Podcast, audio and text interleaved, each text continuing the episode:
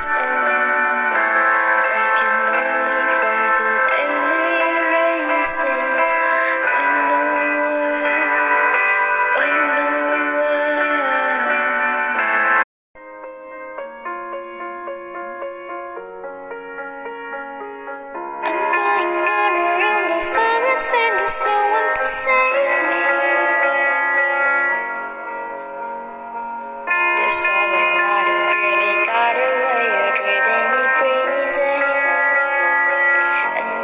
somebody to hate, somebody to know, somebody to hate, somebody to go.